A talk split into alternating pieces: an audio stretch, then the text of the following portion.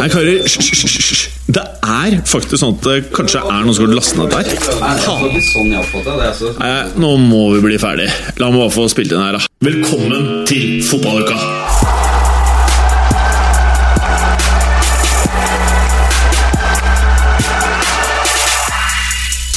Brasil, Brasil, Brasil! Sånne heiarop får man under et VM. For da er det ikke bare fotballinteresserte som ser på fotball. Da er det også mødre og fedre og søsken, irriterende tanter og folk man ikke vet hvem er på kontraskjæret. Vi skal jo selvfølgelig prate om alle gruppene. Eh, Vi har jo selvfølgelig akkurat sett eh, Tunisia-England. Eh, Tunisia vant 2-1. nei da, nei da. Det var England som vant, ja. Harry Kynes skårte to. Mm, mann med gullhåra i ræva. Nei da, han er helt decent. Eh, vi må jo innom eh, det som kanskje for mange er eh, den største VM-kampen på lenge, mellom Portugal og Spania. Mm. Portugal vant 3-2 Nei da, det ble 3-3. Mm. Og ingen straffer til Portugal. Skårte tre mål fra oppspill. Oh, nei da. Det er mye tull i dag. Ja, Ja. det er mye tull. Det er mye tull. Men det er jo VM. Det er mye tull i VM òg. Ja, det er mye tull i VM. Eh, mye straffer. Mm. Eh, mye Mye holdning. var. Mye var, ja. Veldig mye var. Twitter var. er jo bare var om dagen. Ja det, ja, det er litt var. Og litt fancy fotball. Ja, Og på vår Twitter er det faktisk litt Riks-TV. det er riktig. Ja, fordi vi er jo sponset av Riks-TV i VM-perioden. Eh, og med det, Preben, så vil jeg jo veldig gjerne høre litt om eh, Nå har du jo fått eh, full kanalpakke. Du har kunnet se akkurat hvor du vil, så mye du vil. Eh, Hva er høydepunktet fra VM eh, den siste perioden? Du var jo inne på Spania-Portugal. Det, det skal vi jo sikkert snakke litt mer om senere. Men uh, som jeg sa i forrige uke, så skulle jeg på gatefest på denne lørdagen. Og det jeg faktisk hadde glemt, er at naboen min er dansk. Og denne fôringen her skulle serveres midt under uh, Danmark-Peru. så han var rimelig happy med å få meg til bords. Ja. Som eh, kunne varte opp med Rikspakken og full match. Og Ute i gata. barn. Barna lekte heldigvis langt unna der vi spiste. Hvem var det flest barna? Det er faktisk ikke meg, altså. Jeg skulle Oi. nesten tro det. Det er produktiv danske. Ja, det er uh, Mer produktiv enn det spissene deres var Dansken har eh, dobbelt så mange barn som meg. Å, fytti rakkeren. Så der går det unna. Ja, der går det unna. Det gjør det, Eller altså. dobbelt så mange barn som vi vet om. Ja, det er riktig. Ja, nettopp. Riktig. Registrert Ja. med fødselsattest. Nettopp. Ja. Nei, så bra lørdag aften allikevel, altså. Fikk reddet meg inn der. Og du Og kult at Danmark vant, da. Det var helt greit. Jeg syns det var kult, det. Ja, jeg synes det Kult for stemning mellom meg og naboen, i hvert fall. så var fetere at Island spilte uavgjort. Ja ja, men det var litt sånn forventet, følte jeg. Ja, var det det? Jeg har egentlig forventet, akkurat i Argentina vi så, at det skulle være tempoløst, eh, lite oppfinnsomt, bare på tvers. Og egentlig en perfekt motstander for Island, tenker jeg, da. Som Mm. digger å ligge i den der faste, stramme organiseringen når det går såpass tregt balltempo, da. Så er det egentlig en ideell motstander for Island. Altså, vi i fotballuka er jo eh, Vi er jo nesten å betrakte som orakler hva angår fotball. Det er riktig. Eh, treffer jo stort sett på alt. Alt. Det er godt vi har sluttet med de previewene vi stort sett hadde i- foran Premier League-rundene. av hovedkamp. Valg av hovedkamp. Det er alltid 0-0. Konsekvent. det husker jeg! Ja, Der traff vi bra. Eh, eh, går til deg. Du har jo nå eh, På T-skjorten din står det 'California Republic'. står det der Jeg varmer opp til eh, sommerferien, som jeg skal til eh, California. Ja, Skal jeg fortelle hva som uh, slår meg når jeg ser dette Jeg kan her? si det med en gang. Hva? Det kosta tre dollar for, uh, for tre år siden. Ja, det er det, Det ene. synes. Det er, ja, det, er, det. synes, for at det, det er jo f- ja, Det er ikke mye farge igjen. Men av det man kan se, så er det åpenbart en, e- enten en brunbjørn eller en grizzlybjørn. Ja. På T-skjorten. En bjørn. Ja. Og så står det California, så man tenker kanskje på USA. Det er nærliggende. gjøre. Ja. Man kan jo også tenke Mexico, Ja. der Baja California er en ja. Eller halvøy. Ja. Men så er det en sånn rød stjerne som kan minne om litt Rasha. Mother Rasha. Skjønner du hva jeg mener? Ja. Ja, du skjønner hva jeg mener. Bra. Ja, bra. Ja, Men jeg, jeg tror ikke vi skal fortelle det til amerikanere, at det er eh, første assosiasjon Nei. det vekker. Nei. For det er et ganske kult uh, statflagg, Ja. og vi vil ikke rokke ved det. Nei, vi vil ikke rokke ved det. Uh, og så er det noe med det at USA er jo ikke med i VM, mens Nei. Russland er med i VM og hoster VM.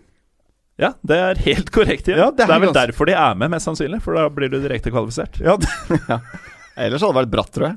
Ja, Uansett hvor kommunegrått lag du har, så får du spille VM hvis du arrangerer. nettopp. nettopp. Koster bare mange milliarder, så får du være med. Det er noe Norge kan tenke på. Veldig bra bidrag Eller der, ikke. Gallosen. Eh, hvis du Du er jo litt med på den hipsteren. Hva vil du trekke frem som eh, et av de største øyeblikkene siste perioden fra VM? For min del er det ingen tvil. Det er eh, frisparket til Aleksandr Kolarov Ja. og den påfølgende 1-0-seieren til eh, Serbia. Ja. Jeg har jo dem som mitt favorittlag i VM, og skal de ha fnugg av sjanse til å gå videre, så må de vinne, måtte de vinne den kampen, og helst også mot eh, Sveits. Så nå er eh, det en eh, levende mulighet. Og hvor så du dette? Det så jeg gjennom en app. Ja. For jeg har jo ikke Jeg har nylig flytta, ja. og har følgelig ikke holdt på å si TV i veggen. Nei, så dette kommer jo som en gudegave for meg, som har eh, internett. Ja. Så jeg har jo sett alt via Riks-TV. Ja. Og eh, mens du snakka nå, så har jeg faktisk um, tatt quizen også. ja. Fordi eh, Nå er jeg spent. Ja, det, for- det slo meg at uh, Fikk ikke Berger ett poeng? ja Tamin82 på Twitter fikk ja. ett poeng. ja. Jeg tenkte da skal det være en ganske hard quiz. Ja. For, for han er jo et orakel. Altså Hvis Ja noen av oss faktisk er det, så er det jo han. Ja. Uh, all den triviaen han kan. Um, Er du på minussiden?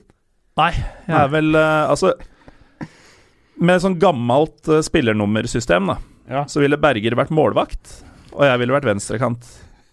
Det er jo ikke gærent. Det er ikke elleve Nei, det er Det ikke gærent. elleve poeng. Det er Fikk ganske du det? fornøyd med. Ja, jeg fikk elleve. Men du, her har noe, lytterne noe å strekke seg etter. Altså, for Ja. elleve poeng, det er uh, bra. Ja, jeg er ganske sikker på at jeg ikke er i nærheten av det, men uh, sto det noen kommentar til det? Elleve poeng er vel litt som et kvartfinaletap. Godt jobba, hederlig innsats. All grunn til å, fornø til å være fornøyd og ta med seg erfaringa inn i neste runde. Ja. Eh, det gjør du vel ikke hvis du har tapt i kvartfinalen, men eh, jeg skjønner hva du mener. Men uh, dette her legger jo du ut på din matchmorten Matchmoten uh, Twitter-konto. Min Matchmorten Twitter-konto Alfakrøll at fotballuka. og at Riks-TV. Og at Riks-TV. Og da skjønner Riks-TV at du er på ballen, ikke sant? Og det er det vi Så er det med trekninga, da. Ja, men ikke sant Hva skal du med to Riks-TV-pakker? Nei, det er sant. Det er sant. Men den Apple TV-greia er jo en Ja. rosin i pølsa. Ja, det Har du noen gang skjønt det rosinen i pølsa-greiene? Nei, fordi rosin i pølsa er jo et uttrykk for noe som er positivt. Men Ja. hadde jeg spist en pølse og fått Ja, rosinbiter ja, i jeg den ingenting. Jeg tror jeg hadde kastet opp, faktisk. det er ille nok i bolla. Er, jeg syns det er helt Jeg syns skit i rosinen er bolla. digg i bollen. Gjør du det? Ja. Men hva foretrekker du i bakerverk av rosin og sukkat? Eh, Den er tøff. Da, Hands down. Sukat? Sukkat er ikke det lenger? kreftfremkallende greiene du har i kaffen i gamle dager? Nei, er det ikke bare det derre Det er suketter, det. Ja, Sukett, Ja. ja. Sukkat er den derre geléaktige guggegreia som gjerne er midt i sånn tørre kaker Mm. som, eh, Det er som kvalmt, klasser. det. det er, da velger jeg faktisk rosinen. Sånn sett er kanskje der rosinen i pølsa kommer fra. Hvis det er sukat i pølsa, så er det det er sammenligna med sukkat i pølsa. Sukkaten i pølsa, ja. ja. Nei, altså, jeg skal fortelle hvordan uh, helget min utartet seg. Jeg ble jo mal i leiligheten, som dere vet. Eh, og så tenkte jeg Nå har det blitt mye fotball, tenkte jeg. Og da klarte jeg å stimulere min kjæreste med å eh, ymte frempå med en ny serie. Eller sesong to av Westworld. Det er bra. Det er ganske sjukt. Men som eh, lytterne sikkert har skjønt, så er jo ikke, det er jo ikke hjernekapasitet vi skilte med her i fotballuka. Nei, nei. Så det ga også så stygt på meg. Hvert kvarter så måtte jeg spørre kjæresten min om hva det var som skjedde. Hvem personen var. Er det nåtid? Fortid? Fremtid? Hva skjer? Eh, og jeg fikk jo svarene, og for hver gang jeg fikk et svar, så syns jeg serien bare ble bedre. Du har den irriterende medtitteren som ikke følger helt med, som må stille spørsmål hele tiden. Ja. Men her er the beauty. Par klikk fra HBO rett over på fotball når neste kamp startet. Så jeg kunne bare kjøre et lite avbrekk. Perfekt. Ja, og du vet jo meg. Eh, jeg Chromecast jo. Eh, så jeg kjørte alt fra mobil. Og én time mellom matchene. Ja. Det er akkurat tid til å se en episode og eh, gå på do. Med mindre du maler litt, og du har malt for lite, og kjæresten din er sint på deg. Mm. Ja. Det er en fin switch. Altså. Jeg Ja. switcher jo litt annerledes. Det blir til Riks-TV Junior istedenfor. Det er ikke så interessant. Ja, du har For meg, eh, ja. HBO Kids. Ja. Du må ha Nei, Riks- ja, mange HBO Kids, du. Ja, ja. kontor. ja, ja. Men jeg, du kan jo ha opptil fire stykker Ja. uh, på ett abonnement. Så her er det bare å spre det rundt Det er jo i det til og med nok ganske for deg, land. Ja da. Det er både nord nordfylkene, og det er Midt-Norge, Vestlandet, og så har vi en her på Østlandet. Da. Så her, eh, vi koser oss. Glugg. Dere lyttere dere lurer kanskje noe på hvorfor Gallosen plutselig blir stille i perioder av fotballuka, for det har jeg av og til fått meldinger om. Og det er fordi Gallosen uh, er bitt av uh, mobilgalskapen. Så eh, Gallåsen, halvparten av tiden hvor jeg ser Gallåsen, så ser han ned. Derfor den store kinken i nakken som har blitt større og større. Og så får du sånn pukkelrygg når du blir eldre, Morten. Jeg tror han knoter med å legge ut uh, quizscoren Det er nøyaktig det jeg gjør. Ja, og jeg ja. måtte finne en finurlig måte å disse Berger litt også. I og med Hva at skrev du? jeg har ti poeng mer enn han. Uh, tok quizen til Riks-TV i Fotballuka-studio nå, med at foran begge Ja. to, selvfølgelig. Så er det jo. Uh, mener å huske at Berger fikk stusslige ett poeng. Hashtag 'kongen av skallethet'. Og så kommer bildet med elleve poeng. Her har vi mye å strekke meg etter. Altså. Nydelig. Meget nydelig. Eh, Preben. Mhm. I eh, dagens eh, sendeskjema så eh, Nei, nå skal vi starte med deg, Gallosen. Du har gruppe A. Ja, Berger møtte jo ikke opp, så vi må prøve å Det er en grunn til at han får russegruppen, da. ja, figurere litt her. Eh, kan du ikke dra oss gjennom eh, status i gruppe A eh, så langt, eh, Morten? Og jeg bare for å minne folk på det. Det er jo Russland, Saudi-Arabia, Egypt, Uruguay. ja, det er helt korrekt. Og det er holdt på å si nesten uh, Du, før vi starter, hvorfor er ikke Berger her? Han hevder å ha mista stemmen. Jeg tror det var den uh, quizscoren på én som bare eh, sendte han ned. Altså, jeg burde kanskje slette den tweeten og legge ut noe nytt og hyggeligere, så han kommer neste gang. Ja. Men da Ja. ja det, Ja. Nei, men eh, Kan jeg bare dra en liten anekdote først? eh, Fordi jeg la merke til at eh, Preben sa det ikke var rart jeg fikk russergruppa. Ja. Og da kan jeg dra klokka tilbake noen år, til da jeg vikarierte i en mottaksklasse på oh. min nåværende arbeidsplass, hvor det hadde satt en kar fra Ukraina på første rad. Og jeg så omtrent ut som jeg gjør nå. Ja. Litt fastere i fisken, men ellers helt lik. Ja. Eh, og han var så fascinert da, av utseendet mitt, rett og slett. Det er vi Fordi han var helt sikker på at jeg var en, en bror, da. Uh, og han spurte hvor er du egentlig fra. Hvor er du egentlig fra? Nei, jeg er, jeg er norsk, jeg. Jeg er herfra, og foreldra mine er herfra, osv., osv. Og bare Nei, nei, det er umulig. Du må være slavisk. Så er du fra Serbia, eller er Russland, eller Polen Nei, Norge. Men han gikk No- ikke med på det. Noe blod er Mm. inni der. En eller annen sted i rekka. Jeg vet ikke hvordan en slavisk egentlig ser ut, men, Ja, han hadde veldig klare formeninger om at det er sånn her, da. Som jeg gjør. men på mange måter så Stor og skalla. Ikke til forkleinelse for deg, men du ser jo ut som en annen art. Ikke til forkleinelse. Men du er så stor, Ja, jeg er jo det. og så er du full av kunnskap. Nå prøvde jeg å redde meg inn her igjen. Men uh, du er jo Du er sier nydelig, da. Ja, du er nydelig. Vi er glad i deg. Selv om du er større enn oss, er vi i ferd med å få pukkelrygg pga. mobilen din. Mm. Gruppe A, Morten G. Ja, det, Vi var jo litt innom eh, For denne åpningskampen gikk jo mens vi satt i studio sist. Eh, endte jo hele 5-0 til Russland. Da. Overraskende mye, kanskje. Ikke at de slo Saudi-Arabia, for de visste vi egentlig kom eh, egentlig bare for å delta. Eh, men at laget som ligger én plass foran dem på Fifa-rankinga, skulle mose dem 5-0. Eh, det tror jeg mest av alt handler om en god gammel blessing in disguise. For jeg husker Det var riktignok allerede 1-0 da Alan Jagoev gikk ut med skade etter noen og 20 minutter. Men jeg tenkte Skal dette enormt kjedelige laget, uten noen kreativitet, bortsett fra Golovin eh, og Jagoev, miste halvparten av det? Men så fikk de jo flytta da Golovin inn fra kanten, fordi det rommet etter Jagoev eh, ble ledig. Og han endte jo opp med å bare ta fullstendig tak i kampen og dominere derfra ut. Følgelig kommer det fire skåringer til, og det var vel tre målgivende han endte opp med, hvis jeg ikke husker helt feil, og en skåring. Saudi er fryktelig dårlige, men er de så dårlige i alle kampene, eller har dette litt med opplanding å gjøre? Det kom aldri helt klart fram hvor mye de fasta i forkant. Ja, det er ikke ideell oppladning. Nei, mest sannsynlig så har de jo hatt en variant av det, da, om det ikke har vært full, eh, full fasting.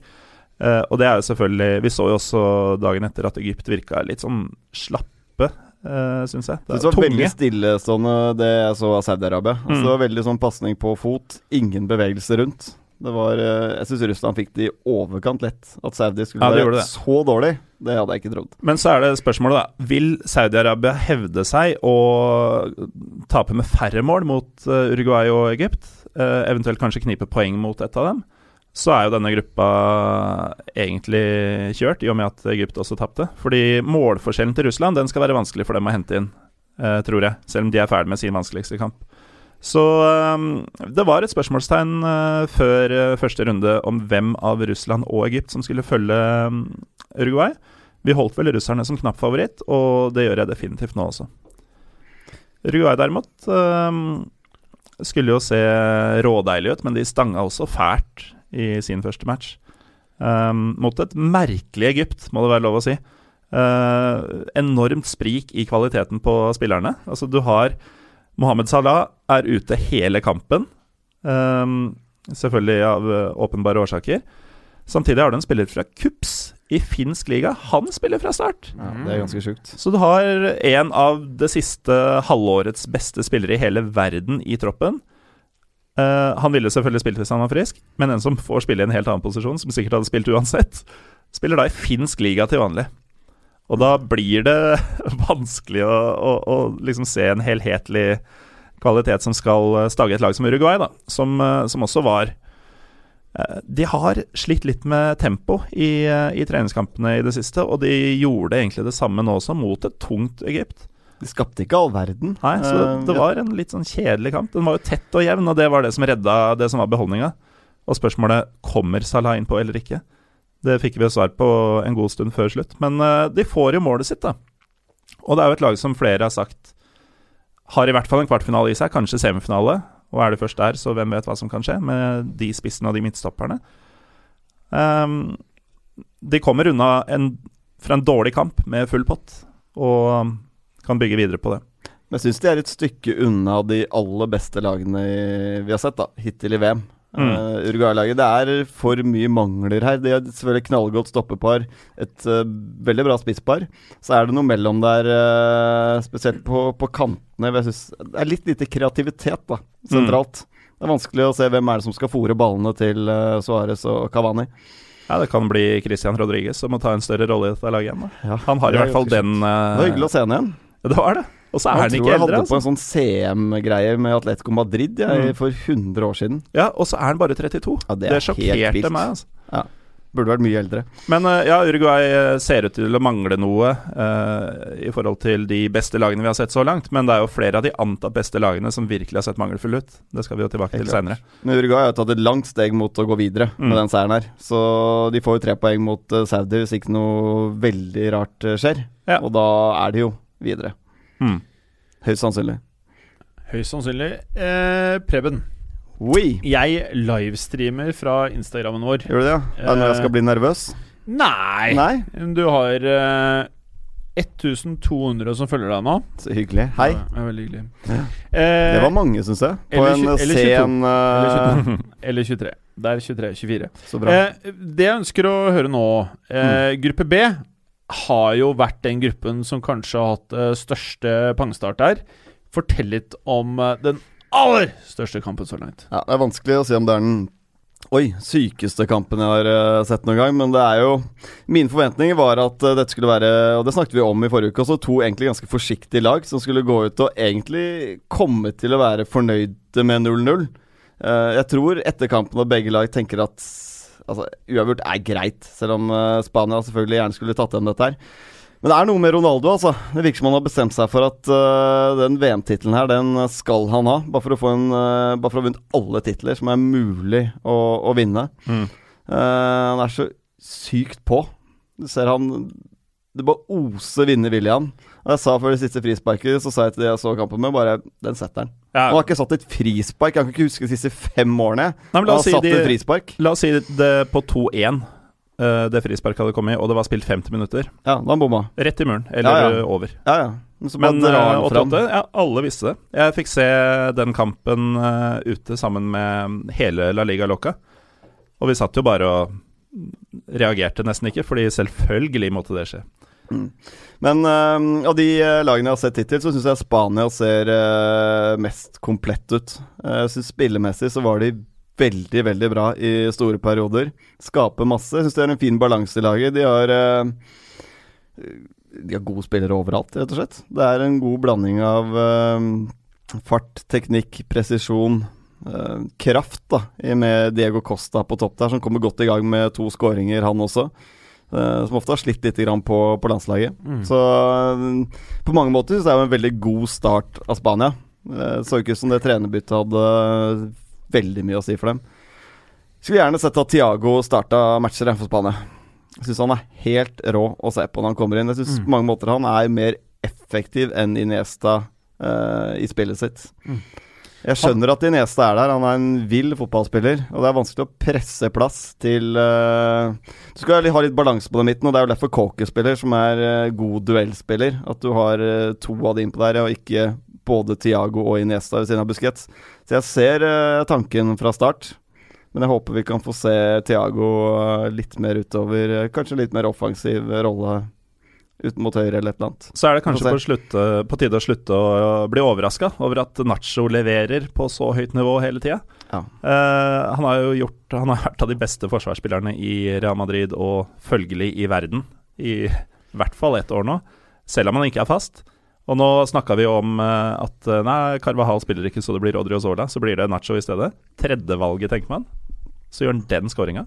Han er veldig stabil. Altså han er, jeg syns han har litt tempoproblemer, og det ser du jo på den eh, når han feller Ronaldo der på, på straffen. Han, så det er litt lett å runde, men samtidig så er det noe trygghet over det. Han driter seg svært sjelden ut. Så det er, det er et safe valg. Mens Verdens Sola beste backup. Ja, definitivt. Hadde har gått til en eller annen eh, La oss han gått til Sevilla, da. Så hadde han vært en uh, stor stjerne. Men uh, det du får med Odrozola, det er jo mye mer offensiv kraft. Jeg tror de andre kampene her, hvor de regner med å styre mye mer, så tror jeg fort at Adriozola kommer inn på den høyre bekken. Men nå er vel Carvahall tilbake i trening? Det er han. Så jeg tror fort Nacho rykker ut da av dette eh, spanske laget. Nå håper jeg du har slutta å livestreame, Him, Fordi nå har det vært veldig lenge at den har vært vinkla mot kneet mitt, den telefonen. Eller mot skrittet ditt, faktisk. Men uh, ja, nei, vi er Ja, da, da er du fortsatt på, ja. Å få opp andre, eh, andelen kvinnelige lyttere her. Uh, ja, nei, det, det er jo, da- da er det det er jo vesentlig flere enn det vi tror, altså. Uh, og jeg mistenker at det er nettopp uh, deg, Gallosen, som trekker dette opp. Det er nok Se- og puppene til Så du det Don Juan-smilet der, eller? Uh! Det kom fint. Men uh, De Hea fortsetter å drite seg ut litt. da Jeg har ikke Mhm. sett en tabbe i eh, hele år. Og så gikk inn på en liten eh, tabbe i oppkjøringen her. Og ganske stor den tabben han gjør på Ronaldo-skuddet. Altså. Bare, jeg bare ser ikke for meg at han gjør sånne ting. eh, når du har sett den i Premier League i så mange år nå. da Det er noen som hevder at uh, forklaringa på at det skjer på landslaget og ikke uh, United, er at i United så får han så mye å gjøre. Han holder seg varm og, og, og skjerpa hele kampen. Mens når Spania vinner, så er det jo en sjeldenhet at ballen i det hele tatt kommer som en pasning fra medspiller tilbake til han. Uh, og at det er vanskelig å være like på når uh, noe først dukker opp. Skal du få god keeper, så er det bare å slippe til nok sjanser. Ja, det er litt sånn. Det, Men det er jo gjerne de keeperne som ikke egentlig er Husker forrige VM, så var det jo ikke måte på hvor bra Ochoa var, hvor bra Ospina var, Bravo, Navas. Eh, og det var jo De spilte jo sånn i eh, meksikansk liga og Segunda og sånn. Og det er jo en grunn til det, men de så jo så rå ut fordi de plutselig hadde noen sånne monsterkamper, og du hadde ikke sett dem før på et høyt nivå. Du ser det på Burnley-keeperne, som Mm. plutselig kommer på landslaget med en gang eh, de begynner i Burnley, Ja. med Heaton og Pope. Altså, de, de får jo ofte skudd fra en sånn fordelaktig distanse. Det blir veldig mye skudd fra 19-20 meter, da, Mm. når du står så tett med en forsvarsblokk foran. Så du får mye redninger, blir varm. Men han eh, De Gea må jo kunne sies å ha langt bedre forsvarsspillere foran seg enn han har i United på spanske landslaget. Det må man jo si. Men jeg tror du er inne på et eh, poeng her, altså, at han står eh, rolig Mm. veldig mye. Og det er sterkt med de keeperne som har sett Noyer i storhetstiden, som omtrent ikke har sett ball. Når det kommer en sjanse, så gjør han en sjuk reaksjonsredning allikevel. Mm. Det er, det er sterkt. Sterkt. Det er to lag til da, i den gruppen. Ja, Det det er ikke hadde det, jo, hadde jo den eh, crazy spådommen om eh, Marokko videre på Portugals bekostning. Den kan vi vel slå fra oss eh, med en gang. Den røyk. Uh, Iran uh, slo Marokko uh, etter en, et overtidsselvmål av innbytter Boadouz. Fem minutter på overtid. Og vi snakket jo om det at Iran kunne være tøffe å bryte ned. Altså solide i strukturen, og jeg syns Marokko sleit Mm. med å skape all verden. Marokko har en del gode individualister også. Ja, altså, jeg kødda ikke eh, da jeg sa det, selv om det høres sånn ut. Men det er uh, en sterk tropp de sender. Og så var det litt sånn her vi som har trodd vi kjente Marokko litt, da. Um, ble jo sjokkert over hvordan de stilte opp. Det var jo både en formasjon og en uh, oppstilling som ikke var i nærheten av det jeg hadde holdt på å si, blitt fortalt at de skulle drive med. Uh, Veit ikke hvor overraska de selv var, men uh, det var jo ikke noe sprut å snakke om over Marokko. Og det var det jo heller ikke over Iran, da, som uh, ble det første laget siden VM i 66 som uh, skårer et mål i en omgang uten å ha hatt et skudd på kassa. Det er imponerende. Men det som er nå, det topper Iran gruppa plutselig. De har fått tre poeng allerede. Mm. Så de har fått en flying start i gruppa. Det er ikke helt umulig at uh, Portugal eller Spania kan stange litt. Kan de snike med seg ett poeng fra en av de kampene der? Argentina for fire år siden måtte ha en Messi-skåring to minutter på overtid for å Ja. bryte dem ned. Ja, så jeg, altså Det er longshot, dette her, men uh, Iran har gitt seg selv en mulighet for å, for å gå videre. Og det hadde vært en gedigen Altså, gedigen bombe. Ja, altså hvis eh, Portugal og Spania ikke går uh, videre Det Ja, men jeg tenker Marokko da, de kan fort finne på å ta poeng, enten mot Portugal eller Spania, tror jeg, på en maksdag. Mm. Og da sitter Iran der, da, med kanskje med sine fire poeng. Mm. Kanskje det holder. Mm. Videre Ja. at jeg håper både Portugal og Spania går videre personlig. Men det er litt gøy med underdogen nå. Sjæl. Eh, jeg må bare legge til litt med den Portugal-Spania-kampen. Gjør det. Jeg må bare si at det på mange måter noe av det flotteste jeg har sett på lenge. Starter jo med straffe. Det er jo akkurat det man forventer av dette Portugal-laget. Eh, og så er det litt med den der cockinessen til eh, Ronaldo. Og det, det, det jeg liker best med VM, skjønner du, det er den derre måten hvor eh, andre mennesker som kanskje ikke ser så mye fotball, blir sugd inn i hypen. Og å høre de kommentere ting som skjer i kampene, er jo alltid veldig gøy. Eh, og uten å nevne akkurat eh, hvem var som sa følgende, så hørte jeg noen si Det virker som han Ronaldo har blitt litt cocky. Og da har du kanskje sånn over, ikke over natta. Da har du kanskje ikke sett så mye fotball de siste par årene. Eh, men, men samtidig så var det flere som også sa at det kanskje er det som gjør han god. Mm, herlig bro science midt i kampen. Ja. Og disse tingene er jo det vi kanskje tar litt for gitt, da. Altså Vi prater jo om dette er som negative egenskaper. Noen syns det er veldig negativt, noen syns det er veldig positivt. Men når, når man sier det på så enkelt vis, så er jo det med på å summere opp denne mannen eh, veldig godt. Eh, og det er akkurat den personen jeg føler han ønsker eh, at folk skal både medspillere og motspillere og hele verden, hele omverdenen, skal oppfatte han akkurat på den måten som han skildrer seg selv, føler jeg. Eh, og i denne matchen så er det noe med Du ser resten av Portugal-laget hever seg mange hakk. Jeg mener at Port eh, Spania er et vesentlig bedre lag. Jeg syns de tidvis spilte mye bedre enn Portugal. Men så er det noe med at de hever seg, og mye av dette er, er pga. Ronaldo. Og jeg synes at når Quaresma fikk noen minutter bare, Han gjorde jo litt morsomme ting, han òg. Det er et eller annet med det Portugal-laget som ikke er bra nok. Men så allikevel så blir det bra nok pga. Så har de en sånn vanvittig god spiller som kan gjøre at de faktisk Vi så jo det i, under EM for to år siden. De kan gå hele veien. Og er, jeg føler at det er det eneste laget i VM som har den ene spilleren som faktisk kan gjøre akkurat det. Jeg er helt enig. Men jeg satt under den kampen her og tenkte litt tilbake på VM i Italia i 1990, som er det første jeg husker. Hvor eh, det var dørgende kjedelig. Det var 0-0-kamper, det gikk til straffekonk hele tiden. Oh, Um, og tenkte Deilig. hvor mye fotballen faktisk har utviklet seg. At her var det to lag som gikk i angrep og sendte frem folk hver gang de hadde muligheten. Mm. Og det er så utrolig kult at det har gått den veien der. Veldig gøy.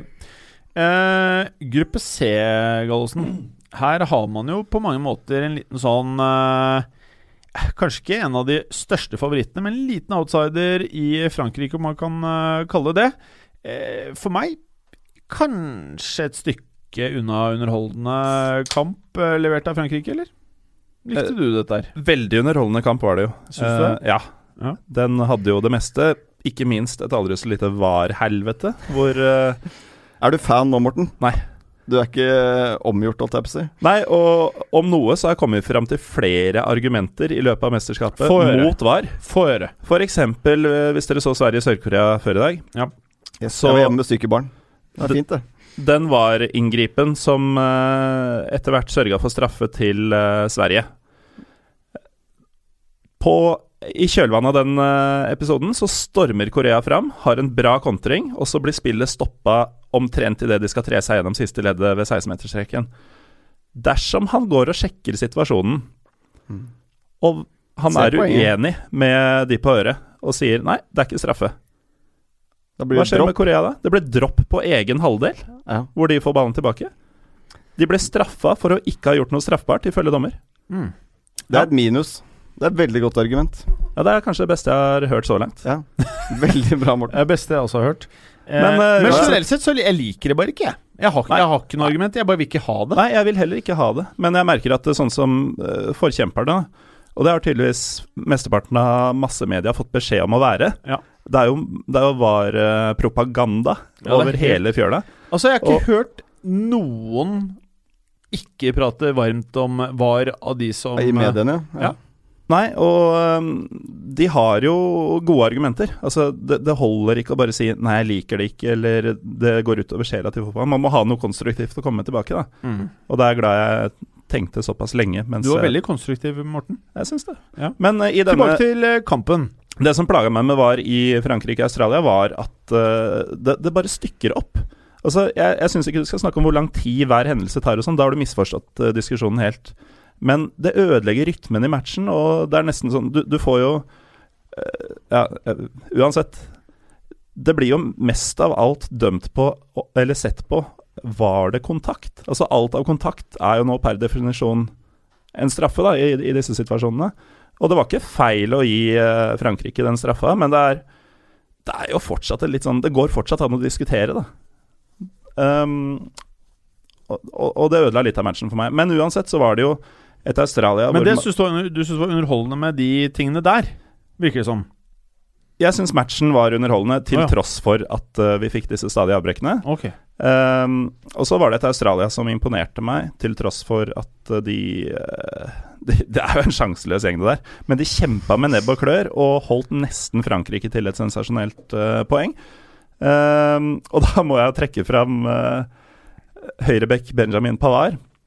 Som uh, vi kan si et par ord om, uh, om han. Han uh, gikk til andre Bundesliga-laget Stuttgart høsten for under to år siden. Altså før 16-17-sesongen. I november i fjor så debuterte han på landslaget, og nå starter han i VM. Og han går det rykter om at eh, mange klubber er villige til å legge mye euro på bordet for. Klassisk VM-smell.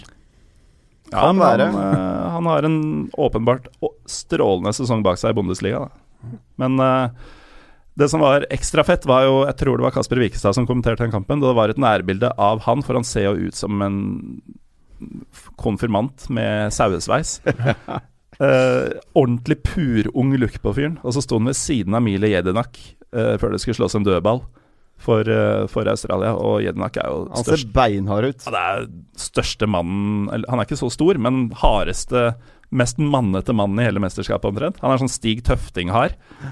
Og de var var nydelige spillere, altså. Og det var bildet Spilte Gravesen og Tøfting sammen, gjorde de ikke det? På den danske midtbanen. Gravesen var pingla på midtbanen der. Ja, det var tog, ass. eh, da sa Kasper at her har du bilde på gutter mot menn. Og det var så spot on. Men uh, Pavar hadde for øvrig en, eh, en god eh, VM-debut. Um, så ender det jo med da, at uh, nå står det fortsatt Pogba på den siden jeg ser på, men det har blitt kreditert til et selvmål. Da Ja. ballen får en helt latterlig dupp. Og igjen disse marginene. Det var så vidt riktig å gi straffa til 1-0. Det var så vidt den ballen var inne også, selv med goal line technology. Vi snakker tre centimeter eller noe sånt. Og det er fordi Pogbas avslutning treffer foten på han som prøver å takle den, og får den nødvendige ekstra bua som gjør at uh, keeper ikke tar den. Samtidig Så- tror jeg Frankrike, selv om dette var en ganske svak match av Frankrike, så føler jeg at det er et av de lagene som kan vokse utover turneringen. Eh, jeg tror de fort bare blir bedre og bedre uh, etter hvert som vi går utover. Den gjengen som starta, er jo ekstremt urutinert på dette nivået. Og de trenger Altså, du har Loris, og så har du egentlig nye VM-spillere nesten over hele fjøla. Um, de trenger å starte med en positiv opplevelse, og nå sleit de, men kjempa seg gjennom dette sammen. Og um, har egentlig ganske klar bane. Nå som den snubletråden de ikke kunne snuble i, den er passert. Peru er i trøbbel, og Danmark er overkommelig. Så Peru syns jeg var eh, litt artig å se på, altså. mm. Det er mye vilje der. Det er eh, mye entusiasme i spillet. turte du å var- si dette til Ja, danskene? nei, jeg måtte jo Men hvordan Bare- så du det? Så du Nei, det under bordet, selvfølgelig. Det var jo masse. Det er jo ikke pent i et Nei. middagsselskap, og det har vi gjort før sammen i min ja. bursdag. Ja, flere ganger? vi har Jeg tror opp. faktisk jeg har sett i bryllup òg. Ja, Ja. det, det har faktisk ikke jeg. Men Nei, det- eh, Og i ditt bryllup? Nei, det var ikke Ja. ditt bryllup. Nei, det var Du vet hva, Tottenham-Arsenal under mitt bryllup. Snakk om å legge bryllupet sitt på feil Nei, det var ikke ditt bryllup. Sorry. Nei, men Det blir jo sånn eh, Du drar opp uh, Riks-TV-appen da under eh, bordet. Mm. Og så legger du den Vi satt egentlig på sånn benk, så vi kunne legge den mellom oss. Sånn, så vi kunne sitte og titte litt sånn skrått ned til venstre og, og høyre for å se litt hva som skjedde. Så um, Nei, det funket. Det gjorde det. Det Men vi høres ut som i sånn- der, altså. Så måte å drive og liksom kikke sånn diskré bort på en dame du syns er fin på nabobordet, og så alle ser hva du driver med. Altså, Er du rutt, så har du jo på deg skyggelue. Det så vel ut som jeg så ned på låret til min danske nabo. Og Som han, for og han på øvrig drakk mye vin under kampen. Han var eh, nervøs. Har han dansk kone? Svensk kone. Å! Da er det bare å flytte til Norge, sier seg Ja selv. ja, det er bare å flytte til Norge. Sånn er det. Har du islandsk kone? Nei, men eh, For da hadde du representert hele VM-gjengen. Ja. Mm. Nå kunne jeg litt lyst til å gi et lite reisetips til alle single gutter der ute. Mm. Dra til Reykjavik. Reykjavik. Der er det overveldende flertall av damer. Men dere har fått med dere han derre eh, islandske hunken som alle damene har gått helt nuts etter etter eh, kampen? Hvem av dem? De er hunks hele gjengen? Alle? Ja. Oh, ja. Nei, jeg vet bare om han er her, jeg, som heter Rurik Gislason. Han Og- kom innpå, han vel? Ja, det var ikke rare greiene han spilte, men fy faen, han er ganske nice inne på Instagrammen. Han er jo sånn dandyboy. Han passer jo ikke inn på det laget. Ja, men han er hot, ass. Um, det kan jo vise dere her. Det er jo ikke akkurat beste podkast dere å vise bilder, men uh, allerede Har, det. Vi har Google, vet du. Ja, dere har Google. Ja. Bra. bra. Ja, Nei, men uh, Nei, Jeg syns det er mange på det islandske laget som er mye kjekkere enn han. Ja. Men på en annen måte, da, vil jeg merke. Er ikke din tekopp? Nei, jeg liker dem litt røffere. meget røft og fint. Mile Jednak, for eksempel. Mye kjekkere enn uh, Nei, det, det er han kanskje ikke. Men uh, Men, men uansett, nå har vi sett på Danmark her. Der er det en fyr som heter Christian uh, Eriksen. Er han en mann som kan dra de langt i VM, eller er ikke dette laget bra nok? Nei, Laget er ikke bra nok, spør du meg. Det, jeg tror fortsatt de skal slite litt med å gå videre. Mm. Altså Australia, det, det tipper jeg blir ganske jevnt. Mener du det? Og Peru nei, jobben er nok gjort i og med at de vant denne. Høyst sannsynlig er det det, men jeg gir ikke helt bankers videre selv om de vant der, altså. Ja, det gjør jeg faktisk. Du gjør det. Ja, jeg føler at jeg ikke går ut på en veldig tynn planke når jeg sier det. Men eh, spørsmålet var jo hvem av dem og Peru som skulle gå videre. Australia kjempa som elger, men eh, de, de er jo ikke i nærheten av gode nok. Sånn, de kan kanskje snike Hvorfor sa du ikke til- kenguruer? Hvorfor i all verden skulle jeg sagt kenguruer? Det er ikke et uttrykk. Ja, men det hadde passa bedre. Kenguruer slåss vel ikke noe særlig? Jo, jo de, de slåss så jævlig mye, Ja, vet du hva, de kjempa som kenguruer. Ja, nettopp! Uh, danskene som uh, hakkebøffer, men det holdt. Nå er du på. nå, nå, Du er ikke ferdig ennå. nå rakner det. Tenk at vi klarer å holde et sånt nivå uten bergerne. Ja, det er ganske utrolig. Helt, Det er ganske utrolig. Nei, men uh, et- et- så gode er ikke Australia at de tar fire til seks poeng på de to neste kampene. Peru kommer også til å mose Australia, tror jeg. Bra, Gallosen. Du kunne jo sagt koalabjørner òg. Eh, Preben. Eller Ja. slanger.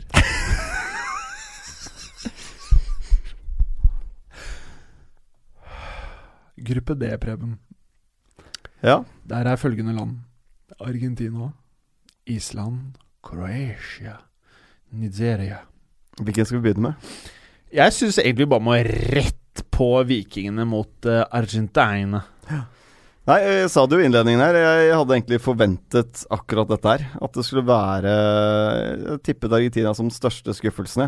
Jeg, jeg skjønner ikke at folk har det i en finale. Altså, det er temposvakt. Jeg syns Otamendi kanskje har fått i overkant mye ros for den sesongen han hadde i City, i forhold til de kvalitetene han egentlig har. Rojo har jo eh, Har han knapt spilt for United i år? Ja, så det ser jo pent ut å ha en stopper fra City og en fra United i elveren, men eh, På papiret gjør det han det. ene har jo hatt en bra sesong eh, som et resultat av at systemet rundt han funker så godt, og han andre spiller ikke fotball. Ja, og to ganske middels, eh, hvis vi kan trekke det så langt, på bekkene. Uh, Talafico er en spennende, men det er sånn ternekast tre-spiller. Salvio, gammel wing, som uh, driver og durer ned på høyrebekken her. Så har du Mascherano og Biglia, som er temposvakt. Det er, eh, det er over i middagshøyden, du òg. Ja, det er sirup. Altså, det Argentinlaget er egentlig ganske dritt, bortsett fra noen fremover.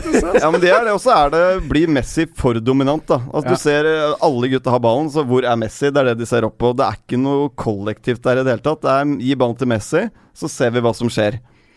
Og det Det en del funker fotballspillere gjør i ung alder.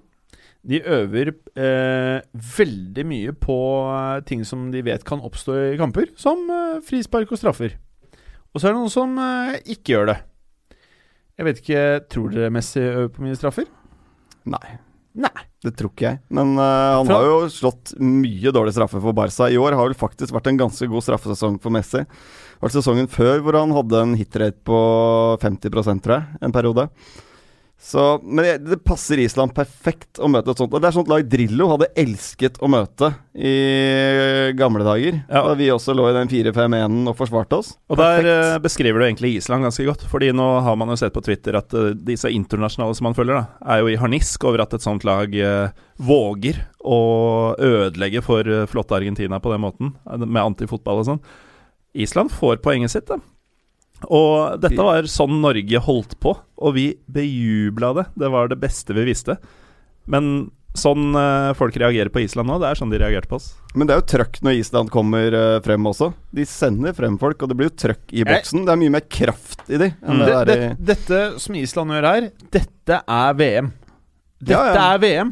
Og Island kan gå videre i den gruppen her. Jeg Tror tror, de slår Nigeria. Det er Jeg bedre Messi fotballag enn drev og grein litt etter kampen og at de ville ikke spille fotball. Eller Island ville ikke spille fotball. Hva faen tror man at Island gjør i VM? -a? Tror du de er i VM for å spille pen fotball? de Spiller er ikke der for å- 3-4-3, de, og de er, de, er, de er 600 000 mennesker eller noe sånt. De er der for å grinde sånne fælinger som Messi. Ja. Og du nevner Nigeria. Der er det en god sjanse, altså, fordi Nigeria var nesten Saudi-nivå. Det var eh, Vi snakket jo om det i previewen også, at det er Victor Moses, det er eh, Alex Iwobi, eh, en gammel Så er det en midtbanespiller som har spilt i Norge en gang. Jonobi Miquel. Ja. Det, altså, Igalo spilte i Lyn nå. Oh ja, det er flere. Skulle nesten til Brann. Det gikk Ja. ikke helt, som Roald Brun hadde tenkt seg. Eh, men Men, eh, ja, så William Trostekong var jo i. Haugesund, og det er, det er flere. Men Kroatia har jo Jeg syns ikke det var en imponerende forestilling av Kroatia heller, selv om de vant eh, 2-0. Jeg syns det gikk eh, treigt med dem òg, jeg. Dritkjedelig kamp. Ja. Eh, Kanskje den kjipeste jeg har sett så langt. Jeg er litt enig. Jeg holdt på å sovne på sofaen her. Ja. Det var, men de vinner jo 2-0. Men da er det jo bråk igjen i den kroatiske troppen. Kalinic er allerede sendt hjem. Og, Uh, og det, er, det er en tropp som gikk inn uh, muligens litt prega av denne skandalen i Fotballforbundet eh, hjemme. Så det, Men er det noen Kjenner dere til eh, den derre skandalen? Modric-sagaen, eller Ja. er vi på Ja. en annen? Ja, Ja. altså Ja. Altså, kjenner ikke godt til det, annet enn det man eh, leser i eh, mediene. en det var prominent jo ja. skikkelse i eh, det kroatiske fotballforbundet, som har fortid som eh, sjef i Dinamo Zagreb.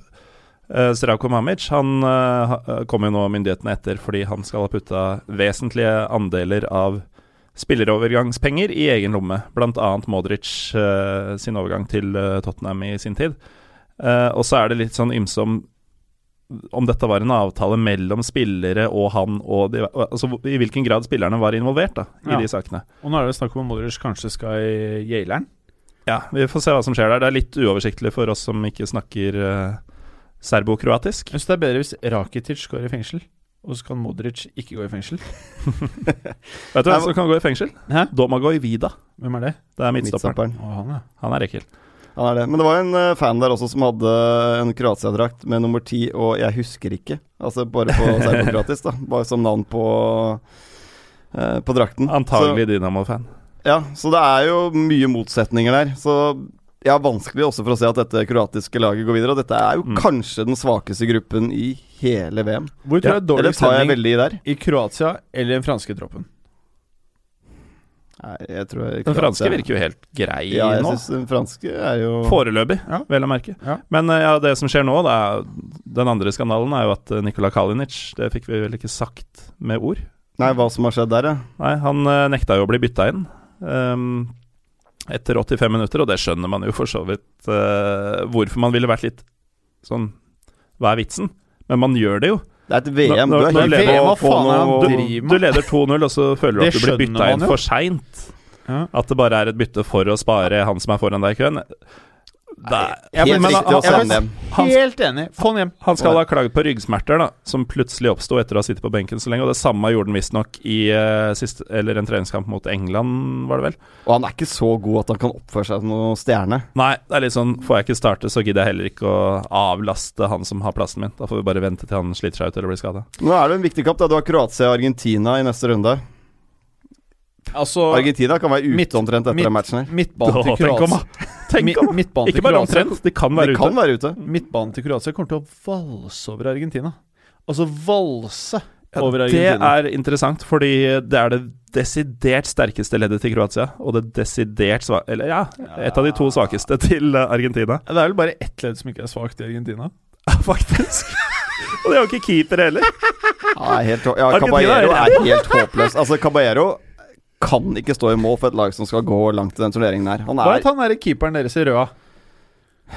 Han som ble så sint på meg da jeg dømte feil. Eivind Dalen. Ja, han. Han Han kunne stått i mål og gjort det bedre. Jeg Ja. tror jeg faktisk ikke hadde vært så mye verre. Men eh, eh, jeg eh, syns det nesten hadde vært ok hvis eh, Argentina tok eh, Tok eh, med seg snippesken eh, og at heller Island og Croatia gikk videre. I forhold til underholdning så syns jeg også det. Jeg, synes det jeg er jo Argentina-fan, bare for å ha sagt det. Men Ja. det er så kjedelig å se på sånn fotball. At, øh, og de er helt avhengig av at Messi spiller over evne hvis de skal gå videre fra den gruppen her. Hvis ikke så er det rett ut. Men tror vi at Argentina hadde sett hottere ut på banen med Icardi og med en del spillere som ikke kommer og uten Messi?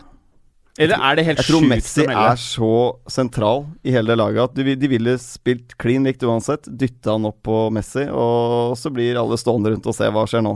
Ja.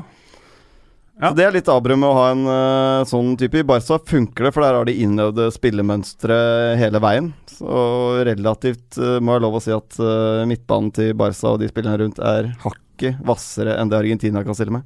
Men Preben, da. Bare fordi at akkurat med den gruppa her så er det litt gøy. Hvem tror du går videre fra gruppe D? Si Kroatia og Island. G-tallet? Jeg eh, syns det er for godt til å være sant hvis Messi og Argentina skal ryke allerede nå, så jeg klarer ikke helt å se det for meg. Så jeg tror fortsatt på Kroatia og Argentina. Oh. Mm. Går imot vikingene? De skulle jo bli sist i gruppa, de, ifølge meg. Det var jo før jeg så Nigeria. Det var Mm. fryktelig. Han frisøren min på altså. Cutters fra Island kommer ikke til å like dette, her, Gallosen. Han har du garantert aldri møtt.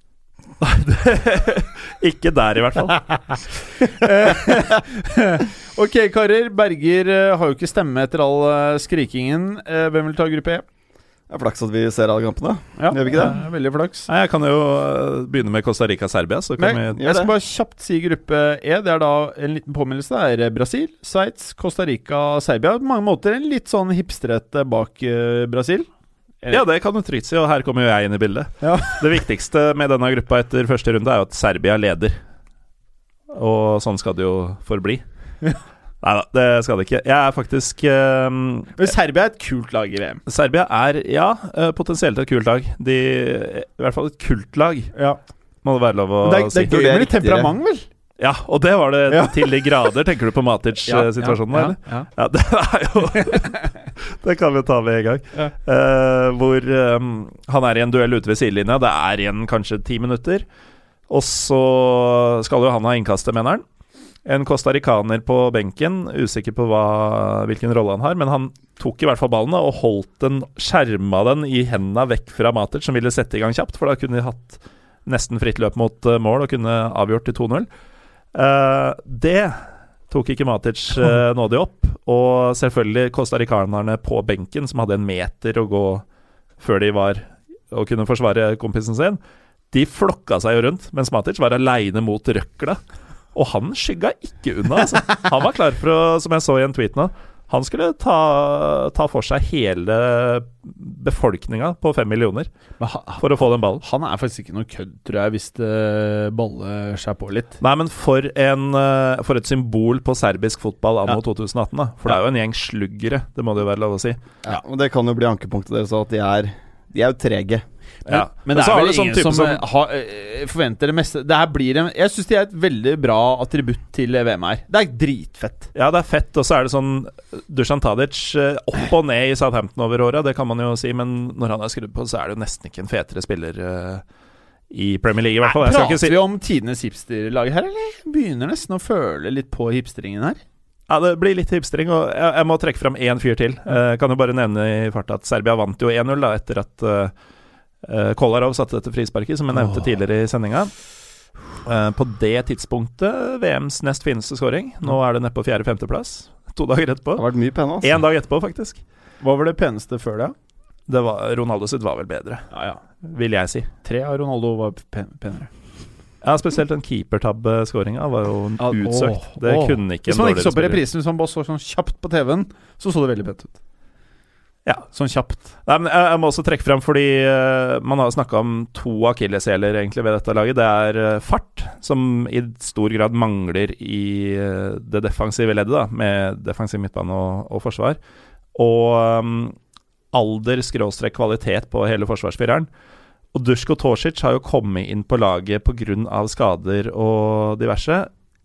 Elendig midtstopper fra Besjiktas, som nå har vel runda 34, gift med en av de eh, mest prominente og rabiate serbiske popstjernene.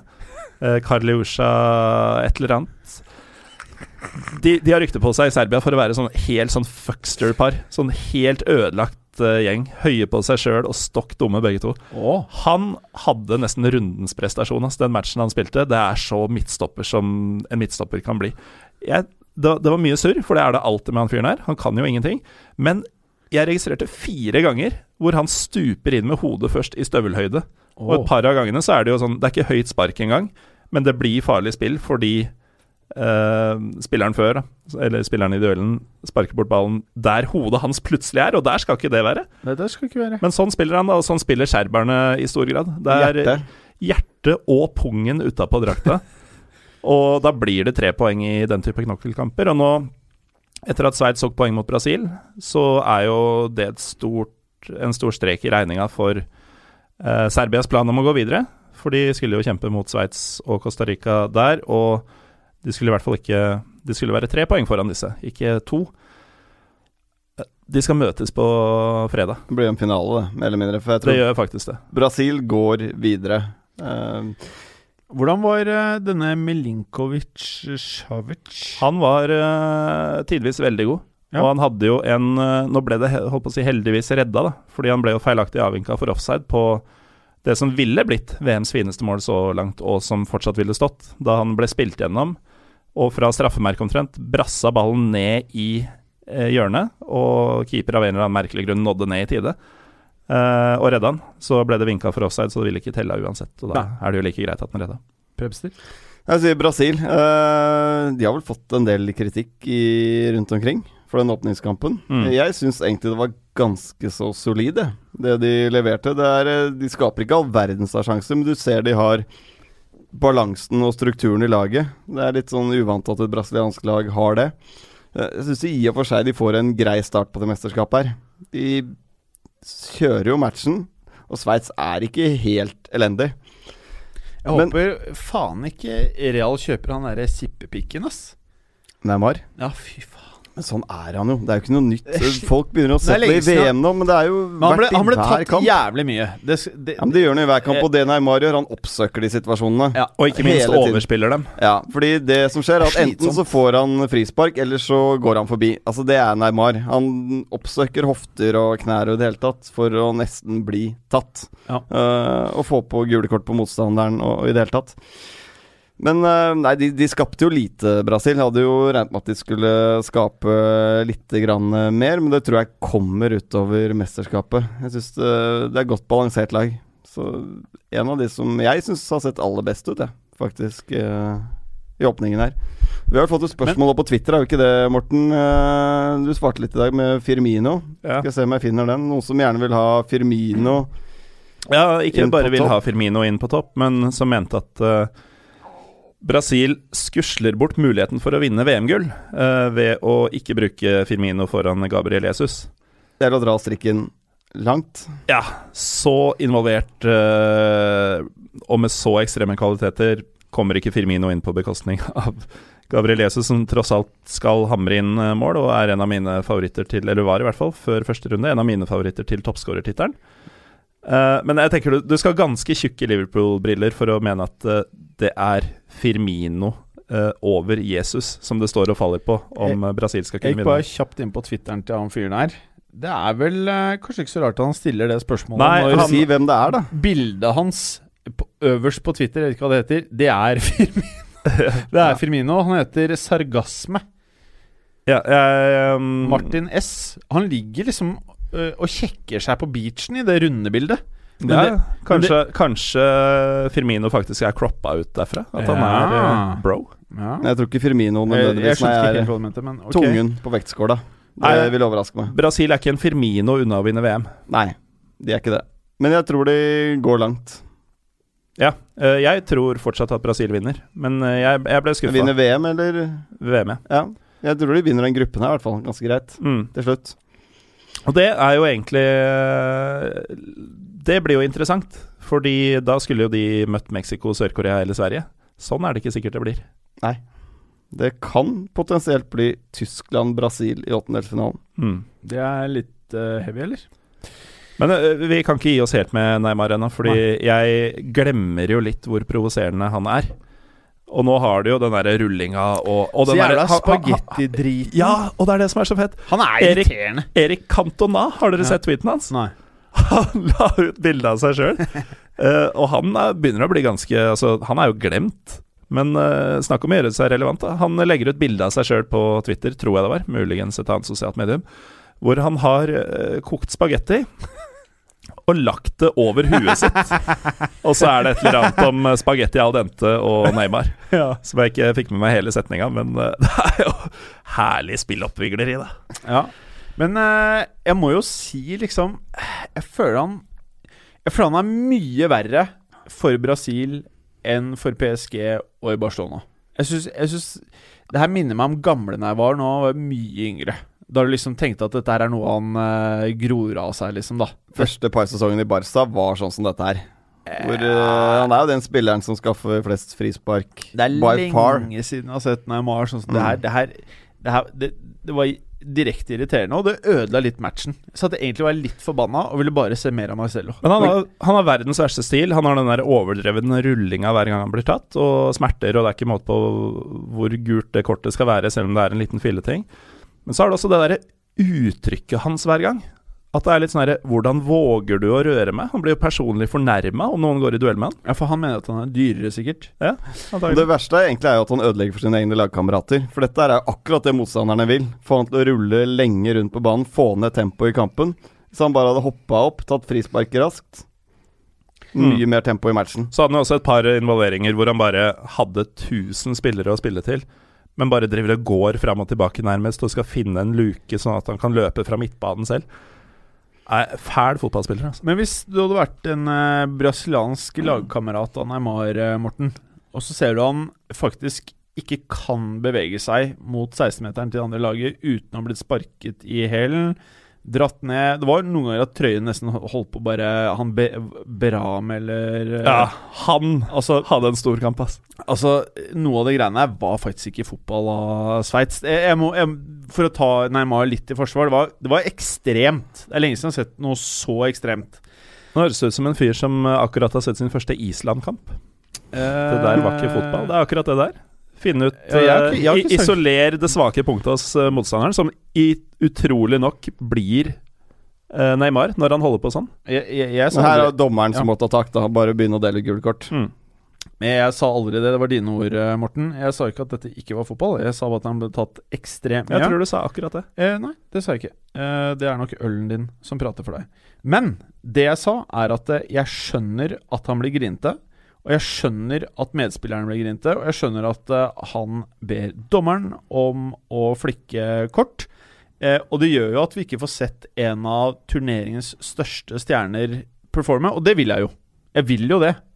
Mens han får ikke performe hvis alle lag skal være sånn mot Neymar som han er nå. Eller Ja, sånn du, du kan nå. ikke sitte og si at uh, folk er for duste mot Neymar, og derfor så leverer han ikke. Folk er duste mot Ronaldo også. Han skårer hat. Ikke sånn som det her. Det, det her mener jeg er eh, ekstremt, spør du meg, da. Mm. Men jeg mener at problemet sitter i at han ikke har huet på rett sted. Man så flere ganger at han oppsøker eh, situasjoner hvor han kan briljere heller enn å gjøre det som er det beste for laget. Så som lagkamerat, hvis jeg hadde vært det, og hvis jeg ikke hadde vært brasiliansk, hvis det hadde vært meg 100% som lagkamerat, så hadde jeg vært nesten like irritert på at han ikke bruker medspillerne sine uh, som at han blir tatt. Jeg hadde nesten gått rundt og tenkt at ja, Ja, det er jo enkelt. Man Han kan slippe, ballen, kan slippe ballen tidligere, Mm. så skjer det ikke. Ja. Nei, jeg er litt uenig, men uh, ok. Jeg skjønner at du må forsvare din framtidige investering. Nei, jeg mener at det, jeg tror det er få spillere som hadde klart å gjøre noe bedre enn uh, Neymar blir bli tatt på den måten her.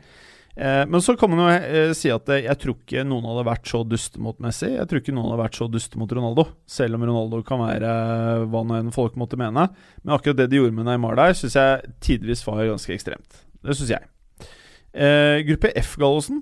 Mm. Der er det jo et lag som eh, er veldig din ånd, da. Tyskland. ja. Eh, de spilte mot Mexico, og for meg nest feteste kampen så langt i VM. Det var utrolig gøy, og uh, Mexicos 1-0-seier er vel egentlig ikke altfor ufortjent heller, når man ser uh, tilbake på det. Det var selvfølgelig noen enorme sjanser for Tyskland, men det var få av dem. Mm. Og Mexico hadde masse kontringer hvor de kjørte full saft og enormt antall avslutninger, uten at jeg har det tallet foran meg i farta. Full saft. Full saft. Første gang jeg har hørt. Det har jeg aldri. Første gang jeg har sagt det. Ja, det er det. Og der får vel egentlig lytterne beviset på at vi ikke har noe særlig manuskript når vi sitter og, og spiller fotball. Så med saft som i liksom saftsuse Ja, men de ga alt, da, Ja, når de først fikk Alt, mulighetene. ja. Og um, der også var det jo litt sånn taktiske valg som kunne vært bedre i siste tredjedelen og sånn, men det, det holder jo til seier mot Tyskland, da. Ja. Og vi, jeg har jo nevnt at jeg, jeg, tror på eller jeg tror at Mexico har et bedre lag enn vi har sett i hvert fall min levetid. Jeg trodde ikke det var et lag som skal vinne denne gruppa og slå verdensmesteren. Men uh, Og så nevnte vi også Hirving Lozano, og det er jo litt gøy at de leverer så høyt, og han blir matchvinner på en så elegant måte. Det, nei, jeg ble ordentlig sjarmert av Mexico. Men du vet, eh, jeg føler i etterkant av kampen Så er det vel mange som sier sånn at Mexico 2-0, 3-0, 4-0. Men faen, jeg syns Tyskland hadde masse sjanser. Ja, De kunne også tapt, Ja. for all del. Eh, og jeg syns det var spesielt gøy de, de få minuttene Julian Brandt fikk. Jeg. Mm. Han, han, Og han eh, var jo nærmest også, på Ja. slutten her. Det stangskuddet. Ja. Så er det noen sjanse for at vi kanskje ser eh, mer av han, eh, kanskje en startoppstilling? Det er ikke umulig. Nå Nei. var det jo litt overraskende for mange at uh, Draxler eh, spilte foran Royce. Eh, den plassen blir jo Royce sin, for Draxler viste jo akkurat eh, hva som bor inn, nemlig stort sett dårskap. Jeg syns han var ok.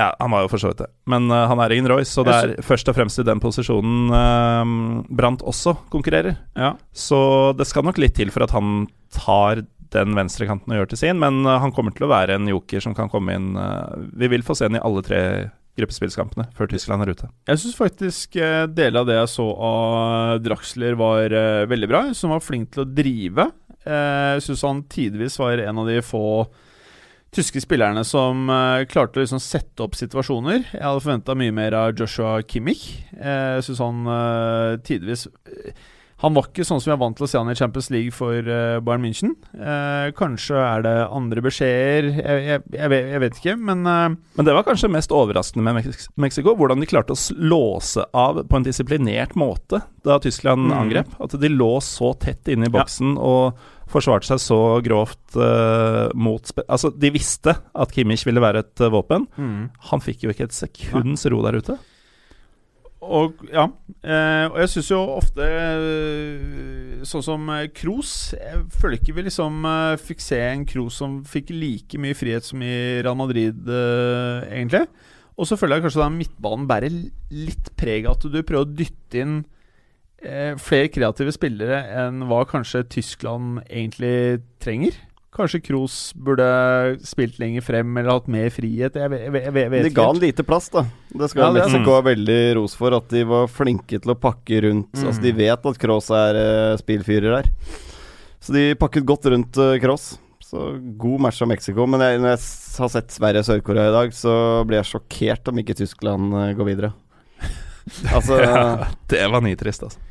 Men var eh. Timo Werner, nå har ikke jeg fått uh, orientert meg, men uh, var det noe strekk der? Er han, han er klar for mer? Det har jeg ikke um, noe klart svar på Nei. foreløpig. Eh, Men det er et enormt tap for Tyskland, naturligvis, hvis han er ute. Og i og med at de nå har lagt opp angrepsspillet sitt mer etter en sånn type, Ja. så er det nesten nærliggende å tenke at det kanskje det faktisk blir, hvis han er ute. Uh, blir jo Thomas Müller antagelig, men det kunne faktisk blitt sånn at Royce eller Brandt hadde tatt over den posisjonen. mm. Men den typen eksperimentering tror jeg ikke de gjør når, eh, når de har kommet så skjevt ut. Hva heter han derre andre tyske eh, Mario Gomez. Nei, han Bekken. Oh, ja. Han som har det fete navnet. Plattenhardt. Ja, Plattenhardt. Ja. Det kan også være en ny litt sånn VM-smell. VM-inflasjon. For det er vel noen som kommer til å snappe Trenger opp han. venstreback. Det er jo et lag i Manchester som ja. høyst sannsynlig ja, jeg leste noe Everton, men eh, alt kan jo skje. Jeg syns det er eh, alltid Mm. litt sånn gøy å følge med på det greiene der under VM. For øvrig Asbjørn Slettemarks favorittspiller. Marvin Platnert. Å ja? Mm. I hvert fall tidenes navn. Eh, du prata om Sverige-Sør-Korea. Hva var dette for slags eh, kamp? Altså, Sør-Korea har mye mangler, for å ta det først. De har et par litt kvikke offensive spillere, men uh, er ikke høy klasse. Jeg syns bakover var Sør-Korea helt katastrofe. Uh, er dårlig i duellspillet. All over the place. Ja. Sverige fikk det greit, og dette er et ganske grått Sverige-lag, det må jeg lov å si. Det er i beste fall middelmådig. Ja. Jeg tok jo det forbeholdet at man veit ikke hva som kommer fra Sør-Korea, for det er så mange ukjente spillere. Eh, derfor er de antagelig bedre enn vi tror, og derfor ville Sverige bli sist i gruppa. Det tenkte jeg. Men Jesus. Det var ganske uflaks for Sverige da at eh, Mexico faktisk slo Tyskland. Ja, det dem dårlig, altså. Passa fryktelig dårlig. Er eh, Men Sør-Korea kjørte litt sånne eh, triks som jeg forbinder mest med sånn 80-tallsfilmer. Sånn Mighty Ducks eller Karate Kid. Og jeg leste noen Er rykter om at de hadde switcha drakt. Ikke bare det. Det, det er visst et ekte sitat fra Ja. landslagssjefen. Ja, det er helt Jeg, jeg trodde også da jeg så det, at dette må jo være noe piss. Ja. Oh, Og så stemmer det. De, de bruker Altså, de veit at uh, Vesten er litt sånn derre Jeg orker ikke å prøve engang, de ser så like ut alle sammen. Jeg vet ikke om det er det, men eh, det får Nei, men det er, det er jo sånn uh, klisjé, da. Ja. Eh, det, jeg aner ikke hvor mange South Park-episoder jeg har sett hvor de drar den vitsen og sånn. Eh, og så tenker du at ah, kanskje det stemmer. Vi prøver. Nå hjalp det ikke i det hele tatt, da. Så Sverige er tydeligvis uh, bedre forberedt på Sør-Korea enn det Sør-Korea hoppa på. Nå satt jeg og jobba litt mens jeg så deler av den matchen, men jeg så en stempling som så ut som noe av det vondeste jeg har sett på en eh, fotballbane. Av en svenske som tråkka opp av en sørkoreaner. Fikk dere med dere den stemplinga? Nei, eh, jeg hørte om den etterpå. Var Ja. det den på Park som måtte ut? Park Eh, Jo? Nei, nei, Nei, han fikk strekt da han eh, prøvde å heade en ball. nei. Altså, det så Mye som har gått bra for Sør-Korea i dag. Ja. Nei, skal vi ta Tynt. siste gruppen? Let's. Uh, gruppe G, hvem vil starte? starte? Skal vi snakke litt om England, da, som vi nettopp har sittet og sett på her. Ja, Jeg kan bare ta er- gruppen veldig kjapt. Ja. Belgia, Panama, Tunisia, England. England møtte Tunisia. Ja, og det er eh, Skal vi si Jeg ble nesten litt positivt overrasket over England, jeg. Eh, selv om det ikke var noen kjempekamp, og det sier vel litt om mine forventninger til England. Det er eh, Mine forventninger var litt som jeg har hatt med Argentina. Stillestående, tregt, kjedelig, lite mål. Vinner 2-1 mot Tunisia helt på slutten her. men det er viktig fordi de har fått i gang Harry Kane, da, som er den spilleren som skal skåre målene. Kommet i gang med to skåringer. Tunisia er jo et møkkalag å møte. De spiller beintøft. Det er mye etterslengere, så um, viktig å få med seg tre poeng her. Den gruppen her er, virker jo rimelig klar. Altså, det er vel uh, de to klareste Og den er jo faktisk Nå er tabellen i den rekkefølga den kommer til å slutte. Og den rekkefølga som alle har sagt at den kommer til å ja, slutte. Belgia, England, Tunisia, Panama. Ja, Det er Ja. ikke snakk om at noe annet skjer. Hva syns vi om uh, Belgia?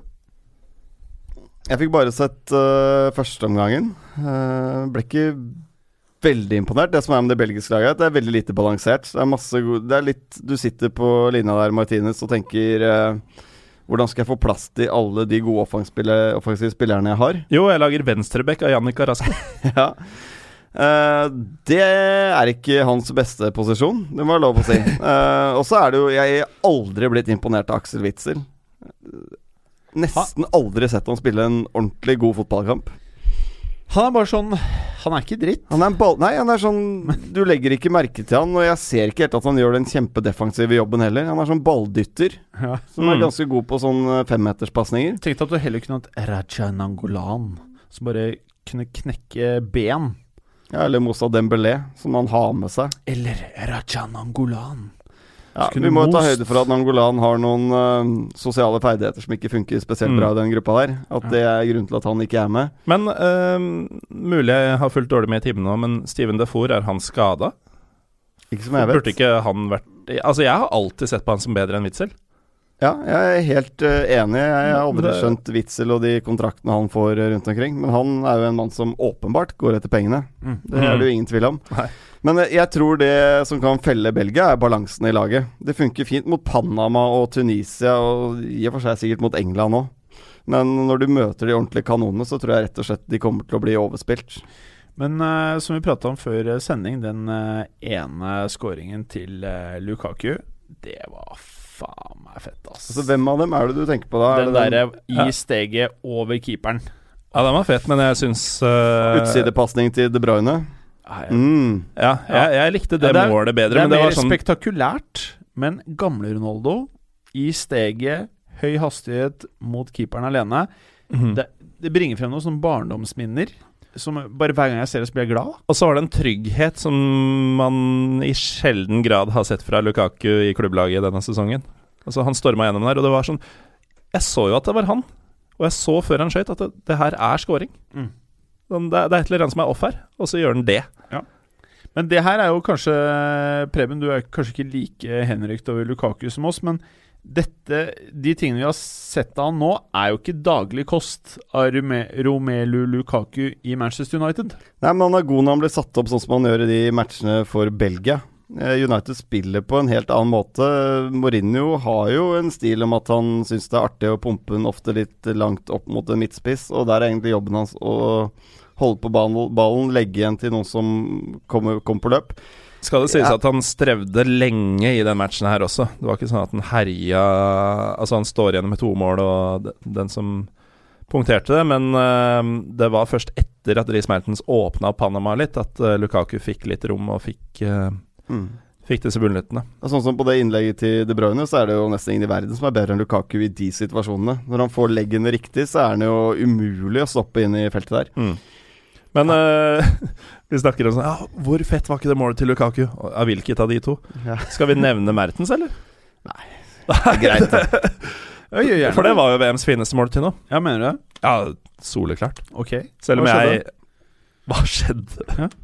Nei, han bare hamra inn en volley med feil fot, var det vel også, til og med? Med høyre. Um, tror jeg. Fra, Jeg har sett så mye fotball fra skrått hold. Og det, det Ja. var sånn type greie da som er litt uh, Nå var jo dette bare en gruppespillskamp mot Panama, men hvis dette hadde vært en storkamp, så hadde det vært det magiske øyeblikket som samla nasjonen, og som snudde mesterskapet, liksom. Sånn La oss si eh, om 20 år, da, så sitter belgere, hvis dette hadde vært en kvartfinale mot eh, Ja, da sitter man og prater om det. Ja. mot Argentina. Og så i en kamp hvor de stanger litt, Er ikke Argentina så mye bedre enn Panama? og, og så henter eh, Mertens ut den, og det blir katalysatoren for at de går fram og vinner semifinalen og tar gullet. Ja, Men det er da- et kult da- lag da- å se på, da, Belgia. Det skal de ha. Det er så ikonisk kunne det målet vært hvis det hadde skjedd i en litt større setting. Men er Belgia er de, Føler vi at det her er noen som kan gå all the way? Typisk kvartfinalelag. Helt enig. Uh, Tobby Alderweireld har ikke vært den samme etter at han knapt har spilt en fotballkamp siden november. Uh, Dedrik Boyata i midtforsvaret der er også Det er ikke toppnivå internasjonalt. Denne gylne årgangen til et lag som noen sier kan gå til finalen, har altså én fyr fra skotsk og to fra kinesisk liga i startoppstillinga. Hvem er de, da? Det er eh, Dedrik Boyata, spiller jo i eh, Celtic. Og så har du nevnte Witzel og nevnte Carasco, som spiller i Kina. Ja, skal du være litt hard, da, så er det Men Carrasco- De Er jo Ja. egentlig høyt nivå. Han kunne jo spilt i en eh, europeisk toppklubb. Det kunne vel Witzel også? Men i en annen posisjon. Men det så- gjør det ikke. Nei, men det er jo pengene. Jo da, men det er jo også matchinga du får Det kan du si om uh, Paulinho hvis det hadde vært for et år siden. På en måte Ja, Han hadde ikke vært i den troppen for et år siden. Poenget er vel bare at uh, jeg syns ikke ikke det er fair å si det om de to belgiske spillerne. De nei. er jo høyt uh, Boyata han spiller jo i en ganske ræva liga. Jeg, jeg kjenner ikke nivået hans. Men Witzel har jeg sett i Champions League. Og jeg har også sett mye av Carasco. Jeg syns begge er veldig gode Men jeg fotballspillere. syns de mangler noen spillertyper. De mangler jo en, åpenbart en god wingback på venstresiden. De Mm. mangler en forsvarsspiller til hvis de skal sende for Boyata, hvis de skal spille som de gjør. De mangler en ballvinner sentralt. Altså De Bruyne er en veldig god toveispiller. Witzel har vi jo snakket mye om. Det Du vet du hvem de kunne trengt som venstre wingback? Bart Gaard. Hvem er det, ja? Han var venstre wingbacken deres i en årrekke for 15 år siden. Fantastisk spiller. God, ja. ja har. Belgia har hatt mye morsomme spillere de opp gjennom tidene. Ja, men du, det, det kan godt være at de spillerne er gode nok, Jim. Det er bare at det Det er liksom ikke top notch, da. Og i Ah, tillegg i troppen Witzel hadde gått inn på Argentina. Carasco Du er ikke top notch for å spille på midtbanen til Men Argentina. er han men bedre enn Biglia, f.eks.? Ja, jeg syns det. Men i tillegg i troppen da, så har du Adnan Janusay, som er verdens dårligste spiller, og Nasir Chadli, som har prøvd å ta den tronen siste halvåret, i hvert fall, i West Brom. Det er, eh, det er en del rart her, som, som liksom skiller dem fra de aller, aller beste. De er Ok. gode, Og, og altså. så har de Roberto Martinez, da, som styrer Du mener Så- Belgia ikke er, har like bra tropp som Tyskland og Brasil? Ja. Ja. Det er det dere sier? ja det er det. Og så har de en desid... Eller Spania eller Portugal. mye dårligere mann på trenerbenken som skal Ja. styre de greiene her. At De har vel en bedre tropp enn Portugal, syns jeg. Nei, det er jeg ikke enig i. Jeg er ikke enig i det heller, altså. Ja, det syns jeg. Jeg synes Ja, men det går på balansen i laget. Jeg syns Portugal har mye bedre balanse. Det blir for mange offensive spillere som liker å gå i angrep, da. Mm. Og det på et eller annet tidspunkt så blir det i felt av det. Hvordan var Hazard, da? Jeg syns ikke det er det beste jeg har sett av Eden Hazard i det hele tatt. Nei. Men eh, jeg syns han gjorde en god kamp. Han var fin, han. Eh, involvert hele tiden, selvfølgelig. Og vesentlig mer produktiv enn det Neymar var eh, dagen før. Så alle de offensive er det jo ikke noe gærent med i, i Belgia. Mm. Det er jo det som er bak der, som er det som gjør at de ryker da i kvarten. Det er så rart å si det om et lag som har Courtois, Fertongen, Aldiverel, Meunier i liksom bakerste ledd, og De Bruyne på midten. At det er der det skorter. Og så er det da gruppen som ikke har spilt ennå. Så kanskje er den gruppen jeg gleder meg mest til. Ja, det er Det er- min gruppe. Ja, men det er et uh, par lag der, uh, spesielt Senegal for, for min del, som For alt jeg vet, egentlig, så kan de være helt crap. Så Det kan være Kan- helt magisk så også. skal de være helt magiske, og så er vi sannsynligvis et eller annet sted midt imellom her. Men de har altså, som vi var inne på i forrige uke, noen uh, offensive spillere som, som er kule. Altså i Sadio Mané, du har uh, Kata Balde, du har uh, Mosa Sow, som for så vidt ikke er i Ja. elveren, men som jo eh, hadde så mange brassemål en sesong at Fenerbahçe trykka opp drakter med nummer og navn opp ned. Det er pent. Mm. Da har du levert. Altså Kolibali bak der. Sannsynligvis så blir det en sånn uh, rar smørje med altfor lite struktur i. Men jeg tror det blir masse fart og kraft, og jeg tror de skårer mye mål. Jeg tror liksom Mané er sånn joker for meg til å bli toppskårer i VM. Ok. Den er frekk, altså. Jeg drar det langt. Den er til og med ikke jeg med på. Jeg, har jo, jeg tror jo alle disse fire lagene kan gå videre. Så Ja, ja. jeg gleder meg til å få svar jeg, Ja. på, på For Japan er man jo, i hvert fall jeg, veldig usikker på. Jeg kan, Mm. jeg kan ikke noe om Japan. Jeg vet ikke hvor bra eller dårlig det er. Men uh, Mané er jo, det er jo ikke i et lag man strålende ser form. veldig ofte. Uh, Ja. Det siste vi så han var jo at han hadde en uh, veldig bra Champions League-finale. Mm. Uh, kanskje den mest målfarlige av Liverpool-spillerne sånn sett over 90 minutter. Eh, Skal godt gjøres å bli toppscorer, jeg er jo enig i det. da Etter at Ronaldo har starta med tre, og Kane med to, og Diego Costa med to. Lukaku 2. Lukaku to. Det er mange som har kommet godt i gang. Mm. Jeg ser den. Og hva er det gjennomsnittlige gjennomsnittlig toppskårer har i VM? Er det seks-sju mål? Det er vanligvis seks, Ja. eh, i hvert fall i vår tid. Ja. Så har det vært eh, Ronaldo i 2002 hadde jo eh, åtte. Men jeg Og- føler at det scores mer mål Ja, nå er enn de gjorde. Mm. Altså ble gjort tidligere. da. At Mm. uh, vi kanskje må strekke den til at åtte Du må opp i åtte, kanskje, da for å få toppskårertittelen i år. Men så er det sånn, jeg blir ikke overraska om eh, Ronaldo ikke skårer i neste match, og kanskje ikke etter der igjen heller. Og at Portugal uh, kanskje spiller to uavgjort, eller uh, Jeg blir ikke overraska det heller. Men eh, Og så har du jo da liksom Både for Brasil og Tyskland så er ingen av de som vi forventer skal kunne være toppskårere fra de lagene, golla ennå heller. Så det er jo faktisk ikke Jeg føler at det er ganske åpent. eh, og hvis vi da i tillegg mener at Belgia ryker ut eh, tidligere enn mange av topplagene, så er det jo muligheter, da. Så kommer det til å komme noen kamper her, i hvert fall i siste gruppespillskamp, hvor noen lag bare er helt ferdig. Mm. Hvor noen av de store lagene kommer bare til å pøse på. Jeg tror vi får se noen ordentlige i Ja. i siste Mm. gruppespillskamp, hvor én en enkelt spiller da kan komme opp i tre-fire mål. Jeg husker jo. VM 94, så ble Oleg Salenko fra Russland, som spilte tre Ja. kamper i gruppespillet, ble jo toppskårer fordi han skåra fem mål i den ene kampen. Ja, det stemmer. Klause hadde vel også en mot Saudi-Arabia. De vant 8-0. Han skåret fire eller fem eller noe i Det Så det kan eh, skje. et trist øyeblikk for eh, gamle Ronaldo. Det var Ja. grusomme greier. Klause, altså. Jeg savner Klåse, merker jeg. Jeg savner ikke Klåse. Savner god gamle Ronaldo. Uh. Eh, ja, utover det, er det noen andre ting vi eh, Skal vi ta noen Twitter-spørsmål? Det er veldig Ja. mye Twitter-greier. Vi får mye kritikk for at vi spør om det hele tiden, men aldri leser opp uh, disse her. Og så var det en eller annen som uh, vant uh, fantasy-ligaen vår, som vi Ja, vi. Som vi har neglisjert litt. Ja, men som jeg ikke husker Premier League, eller? Ja. Det burde vi kanskje nevne på et eller annet tidspunkt. Jeg er enig i det. Men eh, det Vedkommende er jo tydeligvis tålmodig, da, hvis, eh, hvis han ikke driver og maser. Skal, eh, tar du noen Twitter-spørsmål, Preben? Ja, vi kan ta dette er ikke et spørsmål, men det er vår Bournemouth-venn, er det ikke det? André? André Fayen. Ja, Jo, riktig. han er Antall straffer i VM blir rart å se fotball etter VM når det er normalt med kamper uten straffe. Det er i og for seg enig. Det blir blåst mye om dagen, men det er jo riktige avgjørelser òg, viser det seg.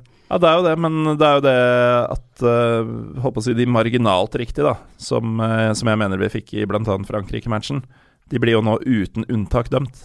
Ja. Uh, og det er jo sånn Dommeren kan se den situasjonen i en god posisjon og bruke skjønn og tenke at "Æ, det var ikke nok. Ikke sant? Den, får, den får du jo ikke i Premier League-kamper foreløpig. Ikke det. Kan ta en fra Jørgen Søgaard her også. Hvor langt kommer Sexiko? Nå Alle nyes, eh, alles nye favorittlag. Ja. Jeg lurer på om jeg coina det uttrykket, for jeg var den første jeg så bruke det. Og så har det spredt seg. Men uh, det er ikke sikkert, da. Influencer, vet du. Jeg um, fikk jo Jeg snakka litt med en fyr før VM som mente at uh, Mexico skulle bli nummer to i gruppa bak Tyskland. Um, men de skulle slå ut Brasil i åttendedelen. Så jeg lo jo av det. Men når de kan slå Tyskland, så kan de jo egentlig slå Brasil også. Nå er det jo ikke sikkert at det blir matchen lenger, men Men nei, de, de slås jo alltid ut i åttendedelsfinalen. Så det blir jo det. Jeg tenker maks kvart. Mm. Jeg, jeg skal bare ta en her, for den oppdaga jeg først nå. Du vet sånn på Twitter Når du får sånn direktemelding, så går det under noe som heter forespørsel. etter faen av det er. Men eh, nå takket jeg ja til forespørselen, og da var det Thomas Frydenberg. Tofri. Hallo! Takk for en strålende podkast. Har dere satt noe frist for å sende dere bilde av resultatet fra quizen hos Riks-TV? Thomas Widenberg, send så fort som mulig. Så mange ganger du vil. Eh, kanskje er hun heldig vinneren. Ja, og det er jo viktig at folk bare hiver seg på her. Med, Ta den quizen til Riks-TV, send til at uh, fotballuka og at Riks-TV. Ja, det er ikke noe å vente med. Og nå Nei, det er bare å jo kjøre på. Det har jo et par uker til på seg, men det er bare å kjøre på. Nå har du ikke bare Bergers eh, latterlig lave poengsum å sammenligne deg med, men du kan nå tenke er du en Berger eller er du en Galaasen? Er du Mm. nærmest én eller nærmest elleve? Så kan vi ta av Torjus her, da. Uh, at PersiTD på Twitter har jo tatt den i i hvert fall to ganger her og sendt ut. Han har klint til med både tre og to poeng. Så det er jo alle Ja. muligheter. Han er er mer Berger. Men du, uh, vi har fått en eh, artig greie her som Uh, det var en som lurer på om du, uh, Jim, er sjalu på ma- Macho-Morten her. Ja. Fordi han uh, har vært på P3. Hørt på P3? Jeg var på Heia fotball i helga. Skal jeg bare finne ut hvem det var om, men du kan jo svare på det foreløpig. Uh, jeg er eh, ganske sjalu, ass. Uh, for dere lyttere, March-Morten driver og tar våt finger på den ene høyrenipperen sin. Ikke så våt, da. Mens Litt jeg fuktig, må, bare. ja, litt fuktig, mens jeg må svare her. Ta spørsmålet en gang til, for jeg prøvde å lete etter vinneren av fancy-gruppen vår. Ja. Ehm, skal vi se Det var for øvrig fra um, at Kristoffer Sæter som Ja. sendte den uh, tweeten der. Som lurer på om du er sjalu. Og det er du åpenbart. Det er vi jeg, Ja, jeg er veldig sjalu, Uh, men uh, jeg vil faktisk gi uh, eh, mye honnør. Altså, du har jo Hva? fått den Det er jo en ganske fæl podkast i utgangspunktet, til å bli ganske bra. Eh, og det er jo enestående. Eh, og eh, jeg vet jo om at stort sett alle vennene mine hører på den andre podkasten.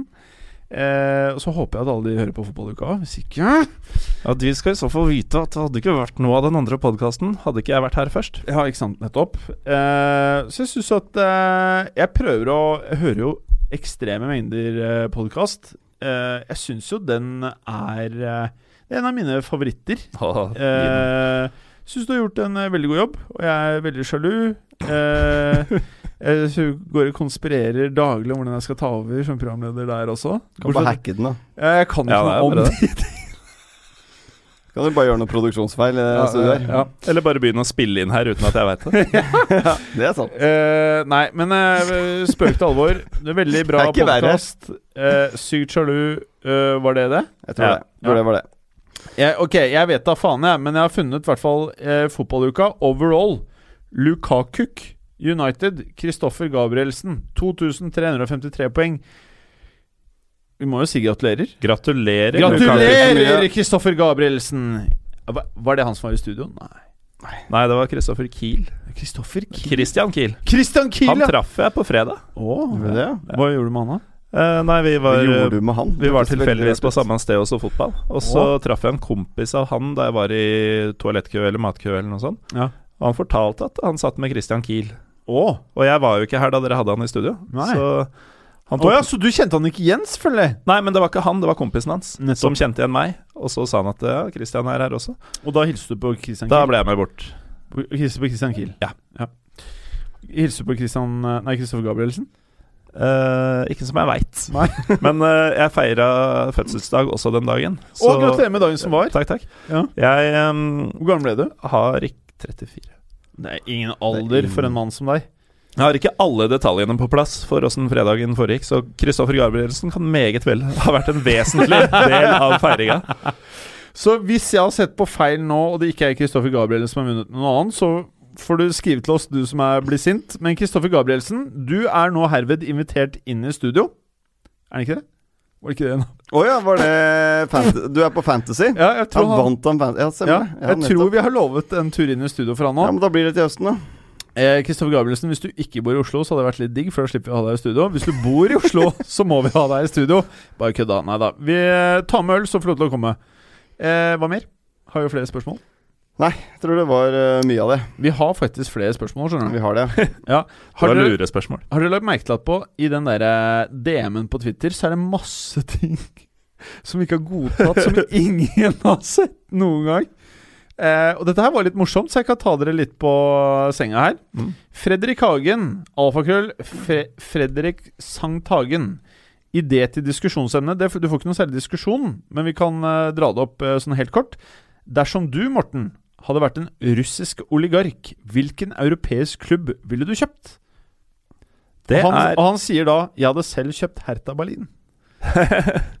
Ja, det, for min del så er det jo mer destruksjon jeg har i tankene.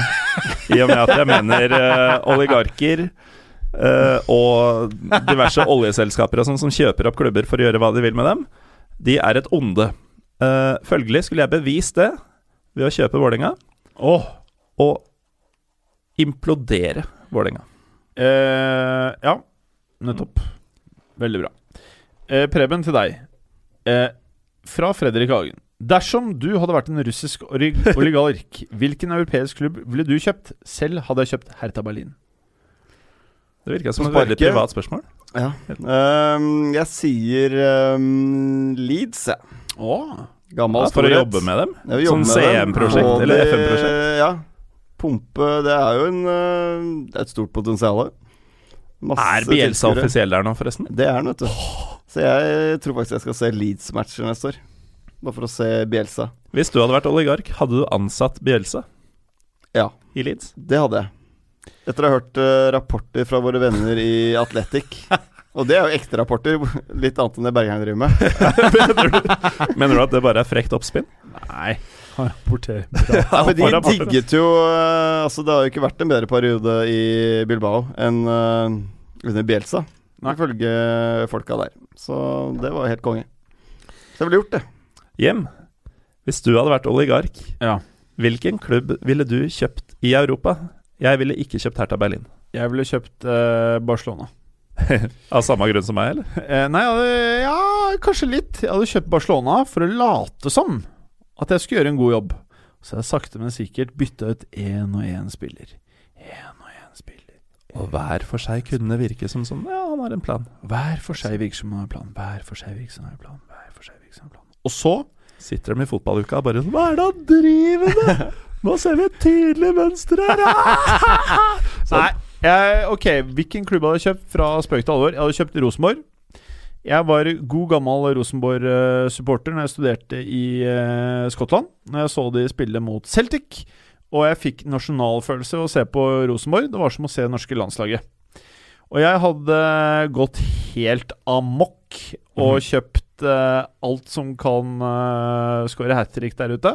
Og bare fått det tilbake til uh, gamle storheter. Flytta til Trondheim med i min oligarkbolig og bare most på. Kjørte inn hele fotballuka inn i styret i RBK. Kunne du finne på å flytte klubben til en mer sexy by for å tiltrekke deg spillere? det var smart! Oho, Kan bare ja, flytte det hit, da, så slipper Ja! du å Ja! flytte Ja! seg. Ja! Ja! For der ville jo skoen trykka nesten uansett. Nettopp! Og så kan vi kjøre Ja, ja, vi trenger ikke å flytte vekk Vålerenga. De kan være her. Ja, de kan være her. Ja, Men vi kjører inn RBK. Ja, de skal komme hit, ja. Ja. Ikke ut av landet. Nei, nei, nei. Til Oslo, tenkte jeg. Ja, ja. Da slipper vi å flytte. Perfekt. Sentralt, da. Et eller annet sted midt i byen. Ja, vi tar vekk Ullevål stadion, lager en ny stadion. Lurt. Bare fly inn Lerkendal i samme slengen. Ja, en ny stadion, vel. Ja, okay. Kaller det nye Lerkendal. og, legger det på Ullevål. Og så kan, Jeg vi liker tanken. og så kan fotballuka sponse Fotballuka Stadium. Det som er litt morsomt, er at eventuelt trønderske lyttere ble sikkert ganske glad da du begynte dette her. Ja. Og nå har du mye fiender i Trondheim, altså. Jeg tror mer fiender i Oslo. Takk for oss. Takk for vårs. Og husk Riks-TV-quizen. Husk den. alfakrøll. At Riks-TV. At Fotballuka. Du, her er det vinnermuligheter, altså. Og linken ligger jo på at fotballukas eh, Twitter-feed. Ja, det er, eh, dere lyttere, Ja, vi har jo fått litt eh, eh, Vi har fått litt eh, innsend, innsendinger. In, Ja. hen, inn, vi har fått litt deltakere i konkurransen, ikke nær på det jeg hadde forventa. Dere, dere har skjønt at dere kan vinne ett år med Riks-TV-pakka. Altså, det er hele greia. Og Det er mye fotball, altså. Apple TV! Altså, det er Her snakker sjuk vi alle premie. via sportkanalene. Det er Eurosport, så hvis du er glad i den eh, HBO. norske serien, så kan du se det nå. HBO. HBO er HBO. inkludert. Hvis du har masse barn, så har du Riks-TV Junior. Og hvis du bare har et par barn, så har Så har du fortsatt Riks-TV Junior. Eller uh, ja, Nordic uh, HBO Kids, heter det. HBO Kids. Nei, riktig. Jeg bruker ikke den eh, Nei, versjonen ikke så mye det? selv. Nei. Uten barn. Nei. Du. Vet du hva, jeg bruker det faktisk litt på jobben. Jeg Jeg ville vært Ja. bekymra hvis du satt hjemme og så på Brannmann Sam på en lørdag i kveld. Det hadde ikke vært bra. Det hadde absolutt ikke vært bra. Det hadde ikke vært bra. Med det så kan vi vel kanskje si oss ferdig. Nå er vi ferdig. Hei. Hei. Takk for at du gadd å høre på. Vi er Fotballuka på Twitter, Facebook og Instagram. Følg oss gjerne. Men bare få høre. Den tror jeg blir litt fet.